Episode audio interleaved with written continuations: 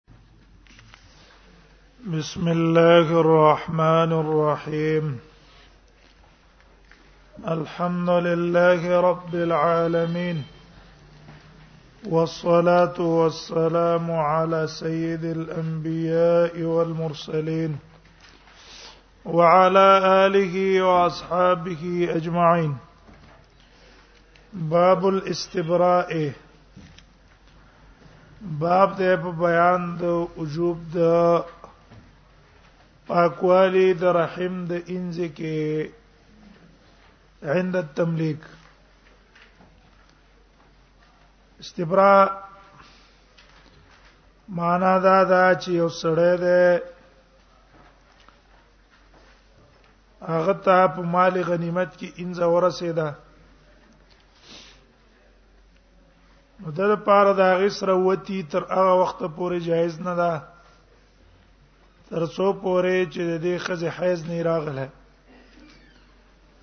چې د حیز په ذریعہ پته ولګيږي چې د دې خزه رحم په نطفه د غیر باندې مشغول نه ده دغه شان د یو سړی انځه ده په بازار کې هغه خرڅ کړه بل ته واغستله دې هغه سره نه بعد دا غي سره وتی جایز نه ده ترڅو پورې چې استبراد رحمه دا غي نه کړي نو که حامله وا استبرای په وزه د حمل ده او که غیر حامله وا نو استبرای به حیزتن ده چې کله دا خزه مدخول بهای نو استبراق اتفاق دی د تمام علما او په دې کې حکمت دا ده کته استبراق اونکه نو بیا په پته اون لګي چې دې خزه کوم علوق شو آیا دا علوق د مخکینې نوت پینه ده او کدی رستو نوت پینه ده ولی یا به ته دې تخپل بچي وې غیره چې دا د پردې بچي نو پردي بچي ته بچي څنګه وې او یا به ته ځان انتفاع کې چې دا زما نه دی دا د مخکینی دی چې د مخکینی شو غلام شو حکم د غلام کې بخپل جیو ګرځي دواړه نه روا ده دې د وجه ته به استبراء وکینو دا غینه بعد چې به ستا کم بچي او شو دا به تانه ثابت النسبی په دقه مده کې الولد للفراش وي هغه خزه باکره وا غیر مدخول بها دا غي په استبراء کې به اختلاف دی د علماو یو قول لار چې ابم استبراء کوي دویم قول لار چې په هغه استبراء نشته دا اختلافي مسله ده اوس دا مسله ذکر کړئ الفصل الاول عن ابي الدرداء قال مر النبي صلى الله عليه وسلم قال مر النبي صلى الله عليه وسلم بامراه په دې باب کې مصنف رحم الله 15 احادیث راوړي او راځي دوه مسائل ته ده دې پنځو احادیث کې به صرف دوه مسلې بیانې غټه یو د وجوب الاستبراء چې وردا استبراء واجب ده دا چې اونکړه دا سړی مجرم دی او لعنتی دی ابا قامه قاکه نو دغه مسله بیان کی کیفیه بیان کیفیه او طریقه الاستبراء د استبرا کیفیت او طریقه به بیان کی چیرې دا خزه و استبرا په کومه طریقه او په کوم کیفیت باندې وکه نو طریقه الاستبرا او کیفیت الاستبرا به بیان کی عن ابي الدرداء ابي الدرداء رضي الله عنه نے روایت ہے قال دا عمر النبي صلى الله عليه وسلم بامراه وتیر شو نبی صلی الله عليه وسلم په یو خزه باندې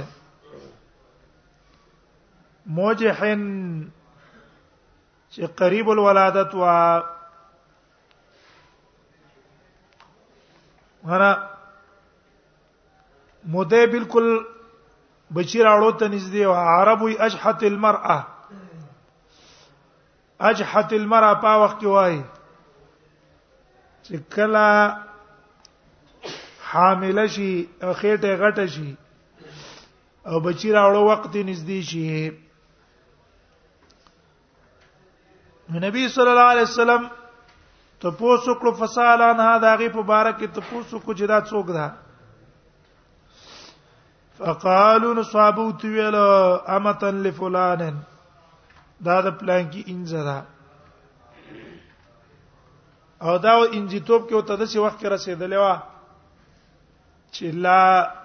استبراد دي پوره نه وراغله کنه ځکه نبی صلی الله علیه وسلم دا ته پوښتنه وکړه قال وی فرمایل ایلم بها آیا دا سړی د دې خځې سګی نږدې کټ کوي قالوا نعم دي صحابه تو الاه دي صحابه ته څه پته ولګېدله چې ینه دا سړی د خپل خځې سره وتی کوي دا اصل کې ته معلومه شو د دې نه چې ګینه دي صحابي به مذاکره کړي و دي سره مرګرو سره څه کړي وا مذاکره کړي و نو دا کې د وجه صحابه ته پته ولګي دا چې راځه د خپل خینځي سره کومه صحبت او کورواله وسکوم دیو ځکه ویل نعم قال نبی صلی الله علیه وسلم فرمایله لقد هممت بتا قسم قص کړه ده ان العنه لعنا چې زلعنت کوم په باندې لعنت يدخل معه في قبره چې نوځي د سره په قبر ده دکې رب دې لعنت وکما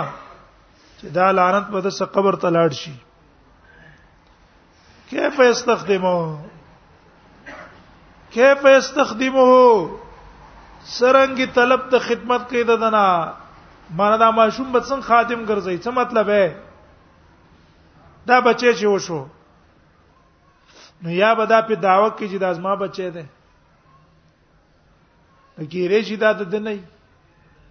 او دا خزه اصل کې حامل شوی دا مخکې خاوند نه نو پردي بچي د ځان بچي ګرځول او به ول خپل میراث ورکول یا دا کنه میراث وړل دا جایز دی نه او دقه سي دنه به ستر ماتول دا حرام دی ام کیف استخدمو او یا بداوی چې دا غلام دی زمانه دی نو کې دې شي چې دا نطفه د دی دا ده نه شي وی ولې د خو استبرا نه کړې کنه حزرانه حیث چراغ حیث دلیل په دې چې دې رحم څه نه ده مشغول په نطفه نه ده ذکر ویل کیف یستخدمه سرنګ به طلب د خدمت کوي د دنا ابا د څنګه خدمت کوي او هو لا يحل له او هو لا يحل له او دا خدمت غستل د دنا د جایز نه دی ولی خپل زوی غلام کول جایز دی نه کې دې چې دا ته بچي او زیزان نه پی کوي ام کیف یورثو دا غدویم صورت ته کنه او یا به وجه داس ما خپل زوی ده چې د دې زوی شنو سبا ور کوي میراث په ور کوي ام کیف یورثو یا به څنګه میراث ور کوي د لرا او هو لا يحل لها او دا میراث ور کول د لرا یا میراث اغستل دا غنه لا يحل له دلا حلال دینه ور لقد هممت دلیل دی په دې خبره چې دا استبراء واجب ده ولی نبی صلی الله علیه وسلم په څوي لعنت په یو دا چې لعنت په وي دا اوس قبر تم الله داخل کی ورته څه کار کوي او دې حدیث ته حکمت هم د استبراء معلوم شو چې دې استبراء کې پوره نسب پته ولګي چې خزا پاک شو د حیز نه او پس دا غنه حامله شو دا د ده او چې حیز پرانه غم د قصیدا دا دا او ظهور وشو نو پته ولګی دا چې دا حامله د مخ کې نطفه نه ده الفصل الثاني عن ابي سعيد الخدري رفعوا الى النبي صلى الله عليه وسلم ابي سعيد الخدري نه روایت ده د دا مرفوع کړه د نبی صلی الله علیه وسلم ته قال فی سبا یوتاس ویل نبی صلی الله علیه وسلم فی سبایا او طاسن هغه سبایا او د اوتاس کې سبایا او تاس او تاس دا د حنین جنگ سره په هغه کې نبی صلی الله علیه وسلم او صحابه انځي ونیول او دا انځي بیا نبی صلی الله علیه وسلم په صحابه تقسیم کړي نو په وخت د تقسیم کې ویلا لا تؤتو حامل نبا وتی کیږي د حامل اسرا حتا تضع تر دې چې خپل بچي وزيږي استبراد حاملې په څه باندې شو به وضع الحمل چې ترڅو پر هغه بچی چې کولای نه وي ستاسو لپاره وتی څه جایز نه ده ولا غیر ذات حمل او نه ده جایز غیر ذات حمل ولا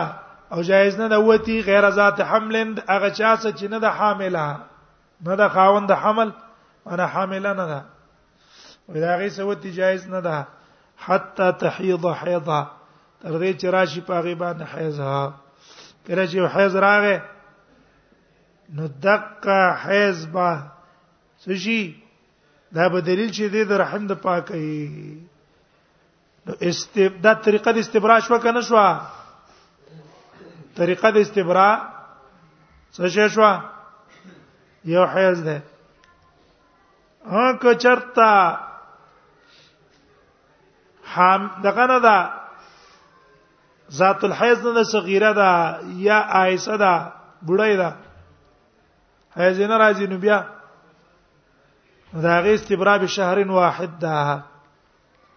جمهور په نس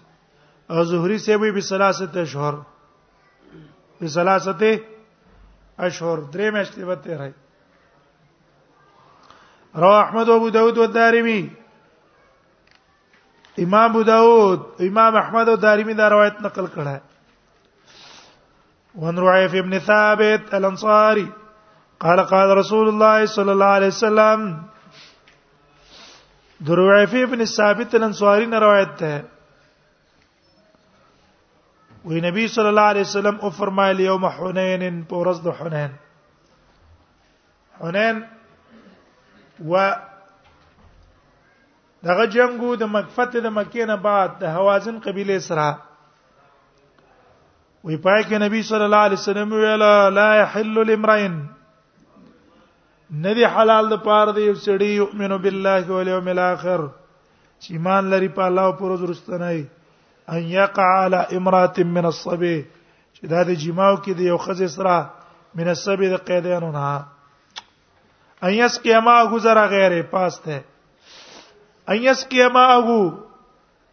چې خړو به کې وبد د زرع غیر د پردې فصل څه مطلب یو خزه د حامله ده د بل چانه او تا ته به په ملکیت کې رااله او ترا لګي اوس داغه سوتی کې دا د شوله کې داغه تیغ په خپل نطفه باندې ته څه کې خړو به کې نه ناروا ده دا باندې کې یعنی تفسیر ده یعنی اتیال الحبالی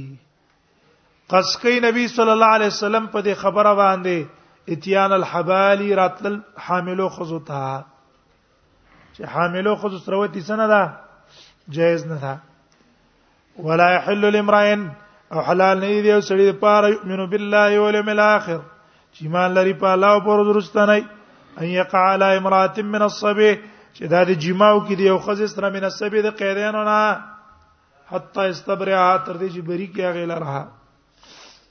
ابا څه کې استبرا به کوي او لا يحل لمرء يؤمن بالله واليوم الاخر او حلال نه ده یو سړی د پاره چې ایمان لري په الله او پر ورځ وروسته نه حتی صبر یا باندې ورسېدلې استبرای په څه باندې شو بالحیز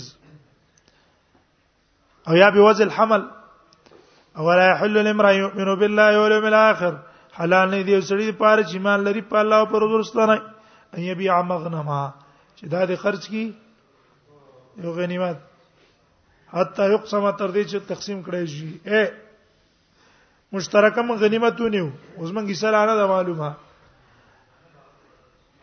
او مخکې د تعین دي سینه زه د خپل څخه خرڅ کم دا ناروا ده ځکه بیا د مجهول لکنه بیا د صدا بیا د مجهول ده دیو نه دا جایز نه دی حتی یقص رواه ابو داود ورواه ترمذی لا قول زرا غیره امام ابو داود دا نقل کړه او امام ترمذی نقل کړه اله قوله زرا غیره تر دې پورې چې زرا غیره ده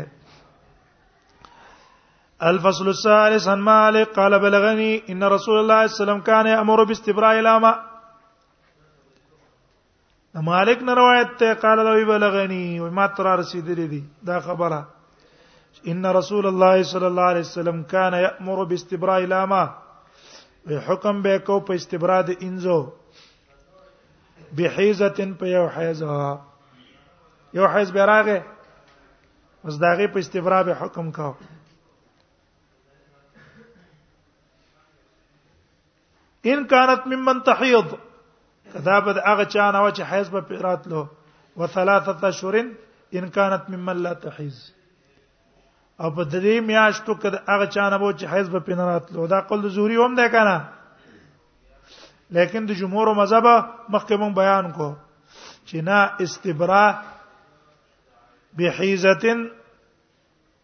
د ذات الحیز ده او چې هغه نوا د هغه په مقابل کې یو مېشته صدا یو مېشته او جمهور اصل کې دلیل په دیني ولا چې ګورا اصل حیز ده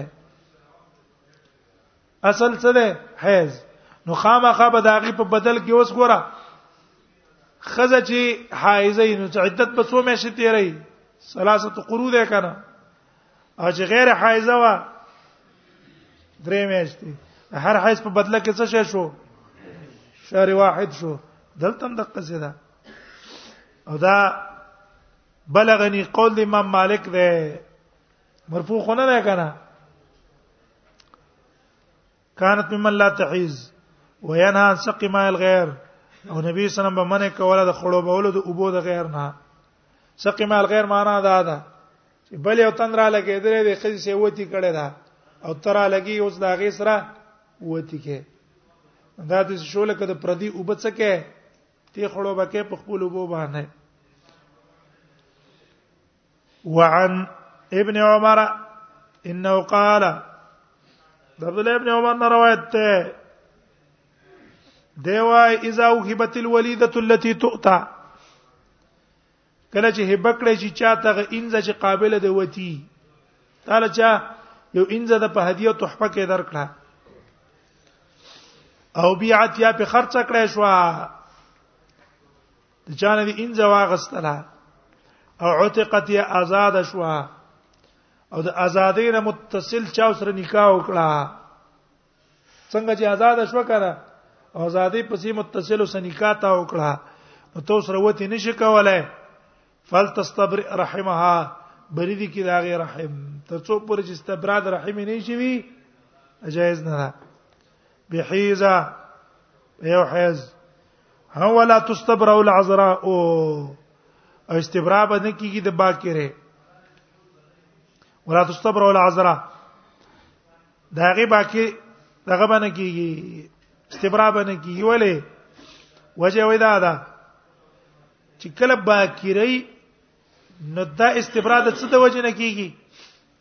ها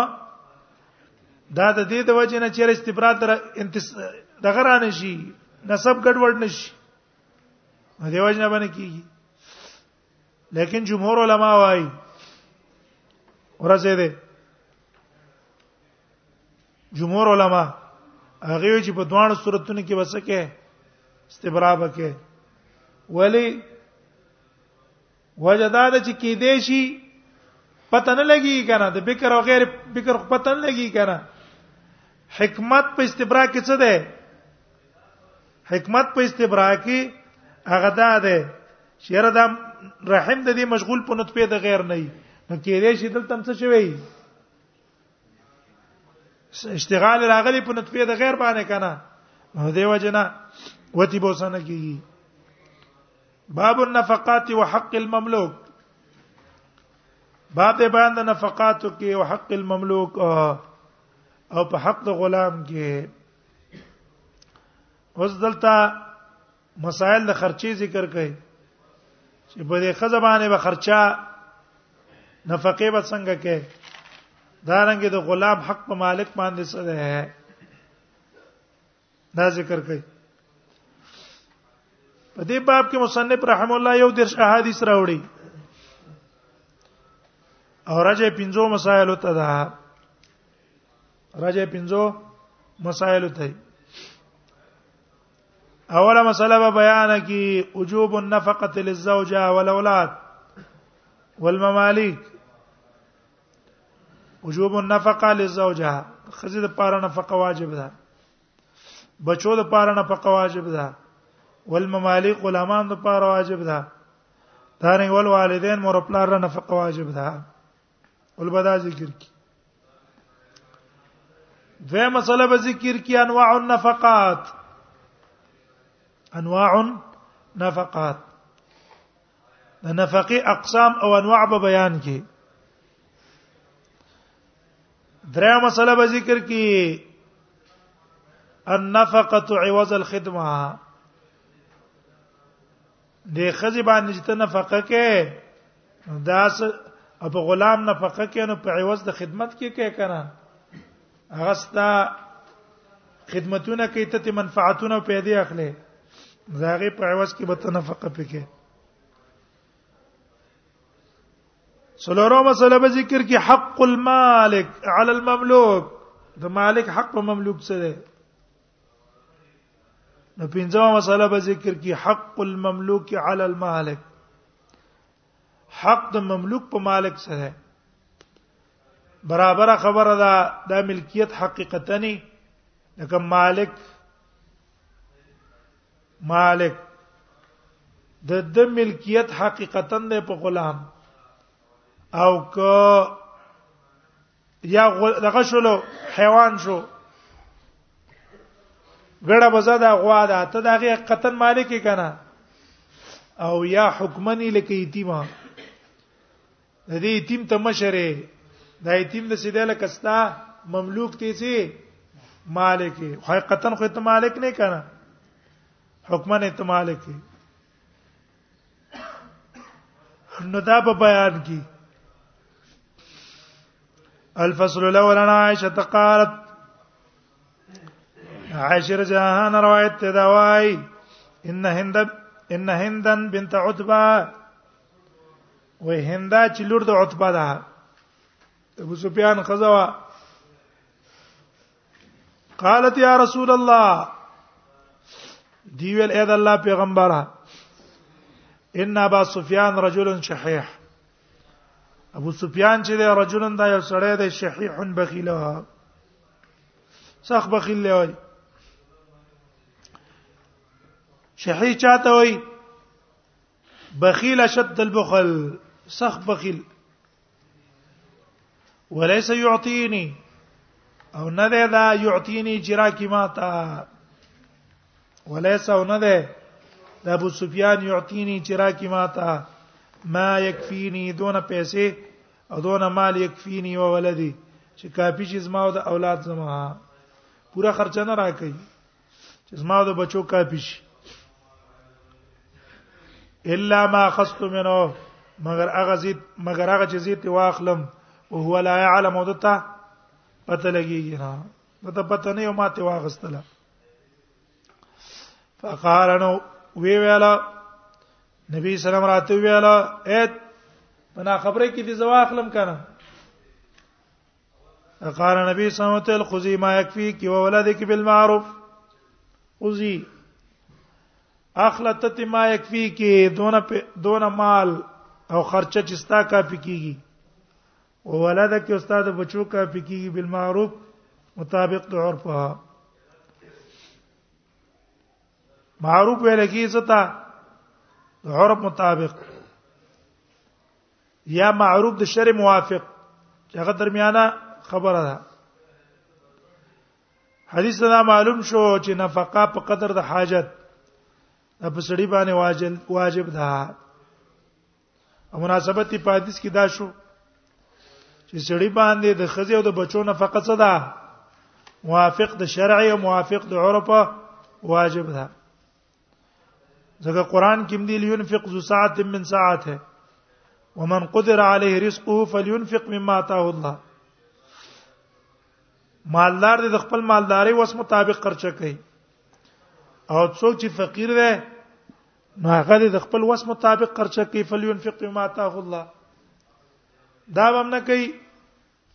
زړه غریب دی او خزه ته مطالبه کې چا په من لغوه خیر او رز راوړه او یا سړی مالدار دی او د مالداري د وجنه هر وخت په لاس کې بازار نه کلول راغستلی چولو والاونه او بس لاس کې نیولی هغه په خزو بچو خوري او سره پیسې جمع کوي چې دادونه زینه پیخري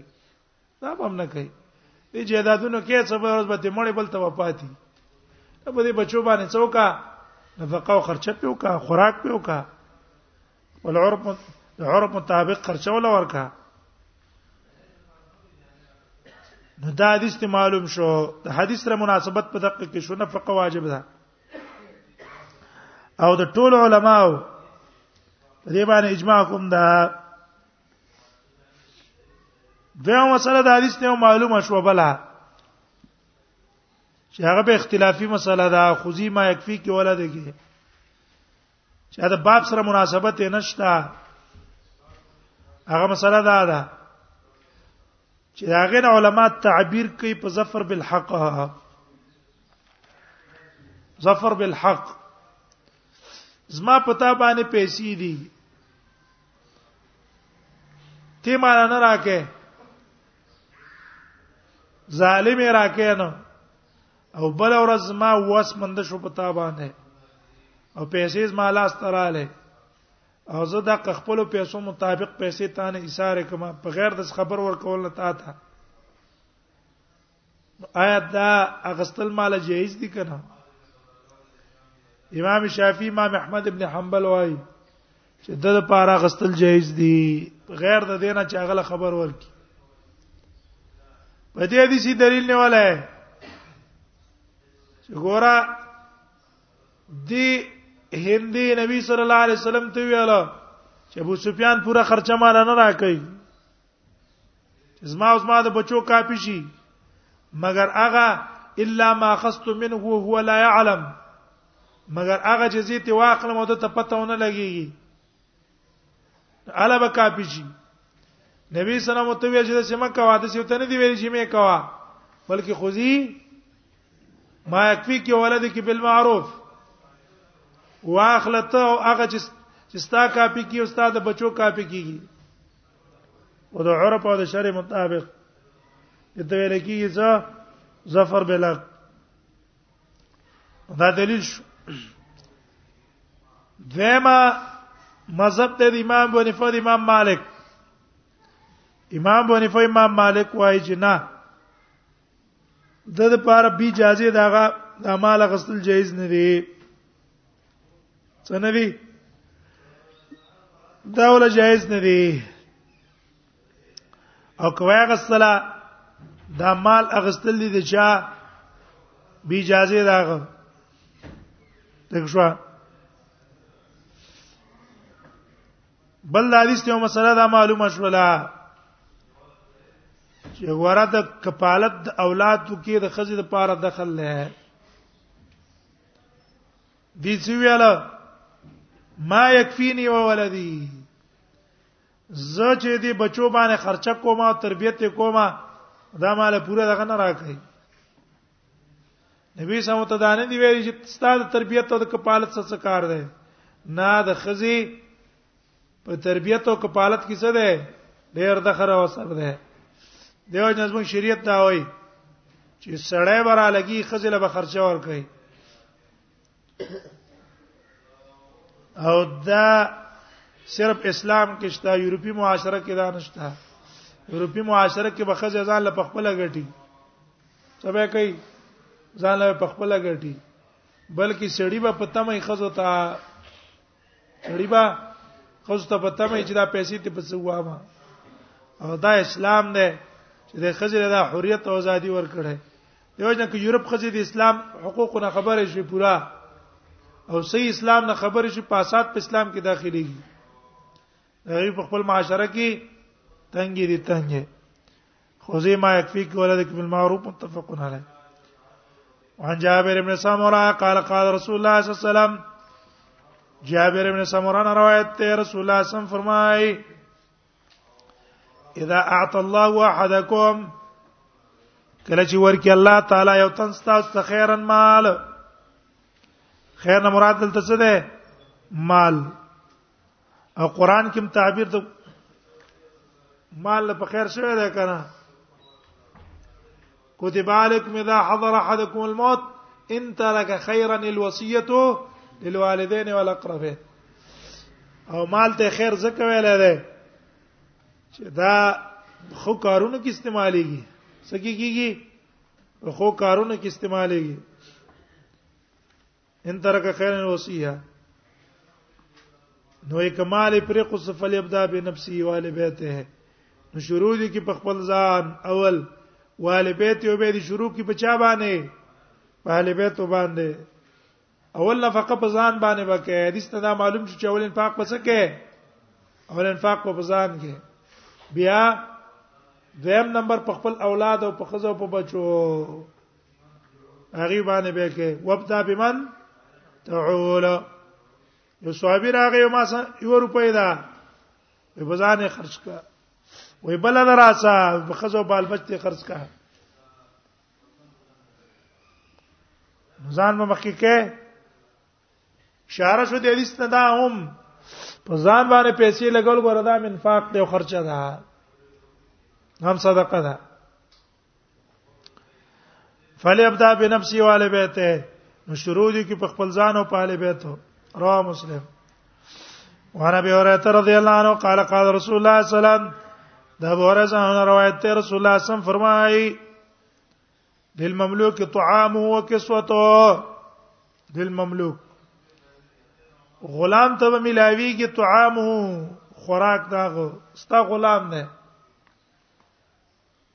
نو تبا غل خوراک ورکه په خپل خپل ټیم ها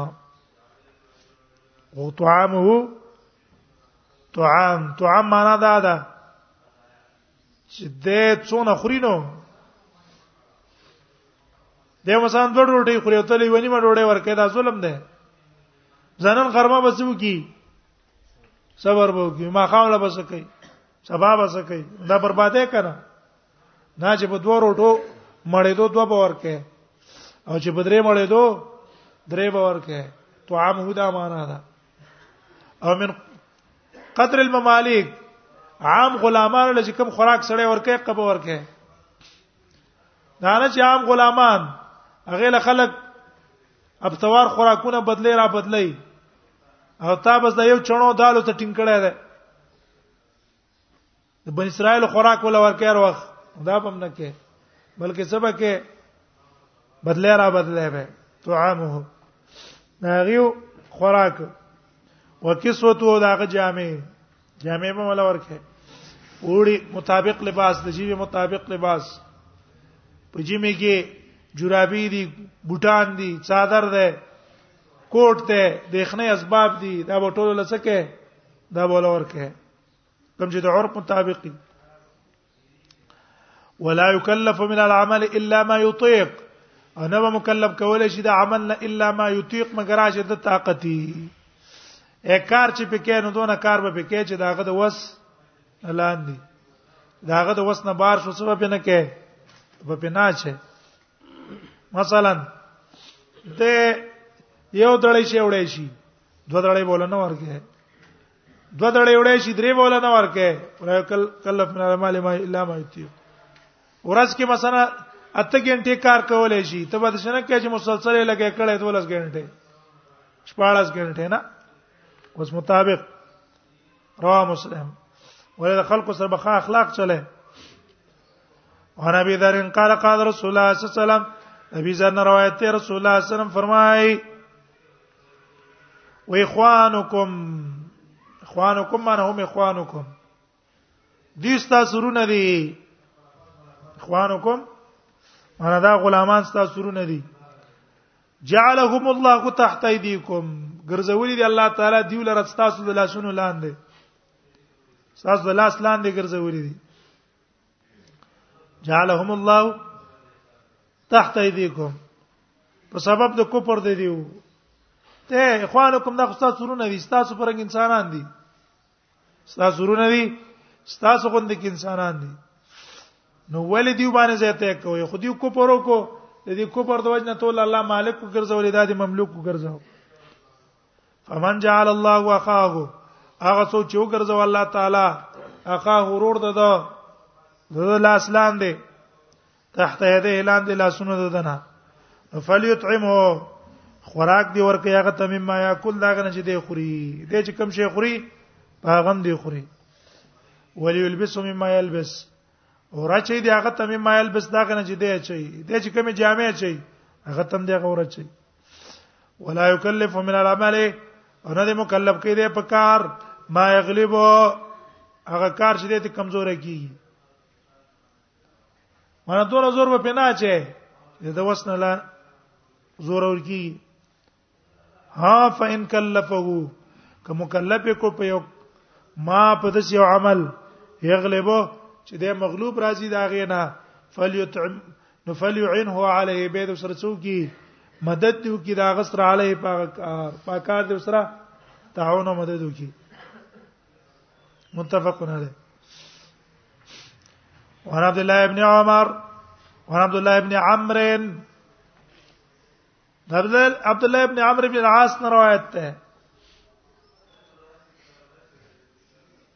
عبد الله ابن عمر دی ښا جاءه قهرمان دلته عمر دی خو سیدا د روایت د مسلم کې عبد الله ابن عمر دی وجاءه قهرمان ویراغه د قهرمان د د هغه منشي قهرمان چاته وای وکیل خازن منشي سیکریټری دته وای کرا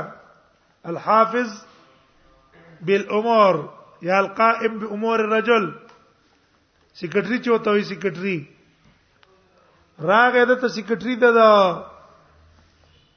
کوم کارون باندې مقرر قهرمان له راغې د عبد الله ابن عمرو ابن العاص ته قهرمان سیکریټری له چې د دو د دې سم دواله ته پوسو کو چې دا راته وای اعطیت الرقیق قوته تا ورکړې د غلامانو ته قوته هم دغه خوراک غلامان باندې خوراک کړې ده کنه ده کړې قال لا وینا قال او تو الفنطلق لاړ شه اعته ما غول ورکا سولو کا خوراک ول ورکا ولې فإن رسول الله صلی الله علیه وسلم قال ځکه نبی صلی الله علیه وسلم فرمایلی دی کفا بالرجل اثما کافی دی سیل رئیس من ګنا ان يحبس چې بند کی ام یملک هغه چانه چې مالکی قوته خوراک داغه اے ته مالک دی یو شي او ترا ولګيږي خوراک پڅ کې بند کې دا د سړي لپاره پوره ګناه کافي ده وفي روایت بل روایت کې دي کفا بالمرء اثما کافي دې سړي لره ګناه دا ګناه ان یزیع من یقوت چې برباد کی هغه څوک یقوت چې دا ولسه کوي خوراک ولور کوي رواه مسلم وعن ابي هريره قال قال رسول الله صلى الله عليه وسلم کوئی شوي کفا بالاسم بالمر اسما اے د خزي خرچه تا در په غاړه ده د بچو خرچه در په غاړه ده او ترا اولګي دي بچو او خزي له خرچه نه ورکه او د قصې برباد کی علاج معالجي فکر ولنه کې د خرچي فکر ولنه کې او د قصې برباد کینو دا د سړي لپاره پوره ګناه کافي ده نه دی بچو نفقه او خرچه دا ضروری ده چې دا به ورکه هغه مخکې دا ورکه دعوت لذي علم لذي jihad لذي ارڅ لذي بچي او خزه به دقه سينه پرې دي هغه له خرچه ورکه دا باندې زه پس په الله می توکل له پرې مخسته او زه زما نه دون امتحان ته تم ټینګ نه نه خطاب بچي دونه د امتحان والا دي او نه د امتحان ته ټینګېدو والا دي انا دونه قوت ایمان والا دي اشیا باندې کې بلکې خوراک اوس کاک بوله ورکه خرچه بوله ورکه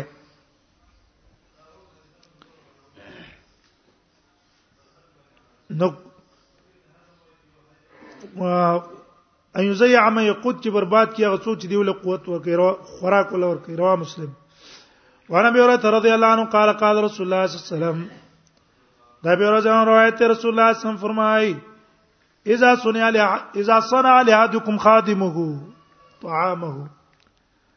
کله چې جوړ کو دی او تن تاسو د پاره خادمه طعامه خادم د د طعامه خوراک د د خادم راولګي د دل څه جوړ کړو خوراک ول تیار کو ثم جاءه به او ثم جاءه به او بیرا واستو د تبه د خوراک د خوراک ته څکړلو دی ول راوړو وقد ولي حره ودخانا او په تاقص را ولي حره د برداشت کړو حره ګرمي داغه ودخانه لګي داغه ان داغي لګي دته برداشت کړه دا رنګي ګرمي تپشي دا پخلی پخ برداشت کړي فليقعده معه نو کې دی نه هغه لره معه د ځان سره ځان سره دې څه کوي ځان سره دې کې نه فلياكل او خوراک دی پیو کی اپ خادم دی ستا خادم دی هغه ته دی ورڅ چې پوخ کا هغه دل چې پوخ کو تا تور څه ترکاری پخه کا ترکاری پخه کړه وس پخلې نه دې جن دې ولې ګورو چې الکا ورشلا ملمانه راغلي دي بازار نه چرګ راوړ روټي راوړ د لاړو چرګ او روټي راوړله دغه څه بینوای ملګا پروت دی پیرو غوخته دغه څه ملګا ځان څه کینو ته راځه کینه شابه تم کینه کچرته خوراک کمی یا کم نه ده خ ډیر ده خو ته هغه ځان څه په خبرو کې نه ول نه غواړي یره ما سکینی ځکه موږ خپل منځ کې خبرې کوو نو بیا دا غنه ولورې کا ته هدا والا یو دانه سی ولور کچ سیوان لره وړي بل شي دلته راوړي چې د لپوخ کو یو پیاله ول ډکه کاو ته ورشه دا ځان لوس کا د دې لپاره چې دقه څخه خراس کاک دی پکاو سبب د لسکې خدمت بند لګي یو الک دکان ته لګي ماشوم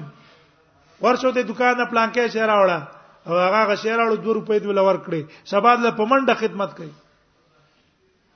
او چې پیسې دې نه ورکولې چې پوي شو چې دا په دې جره روان دي سلار بدن پټای یې به می چرته ونه لګي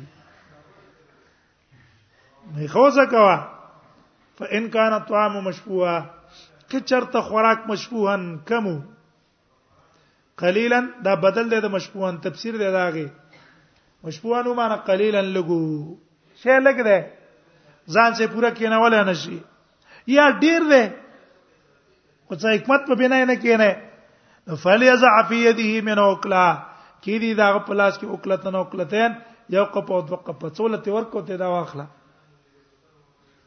رواه مسلم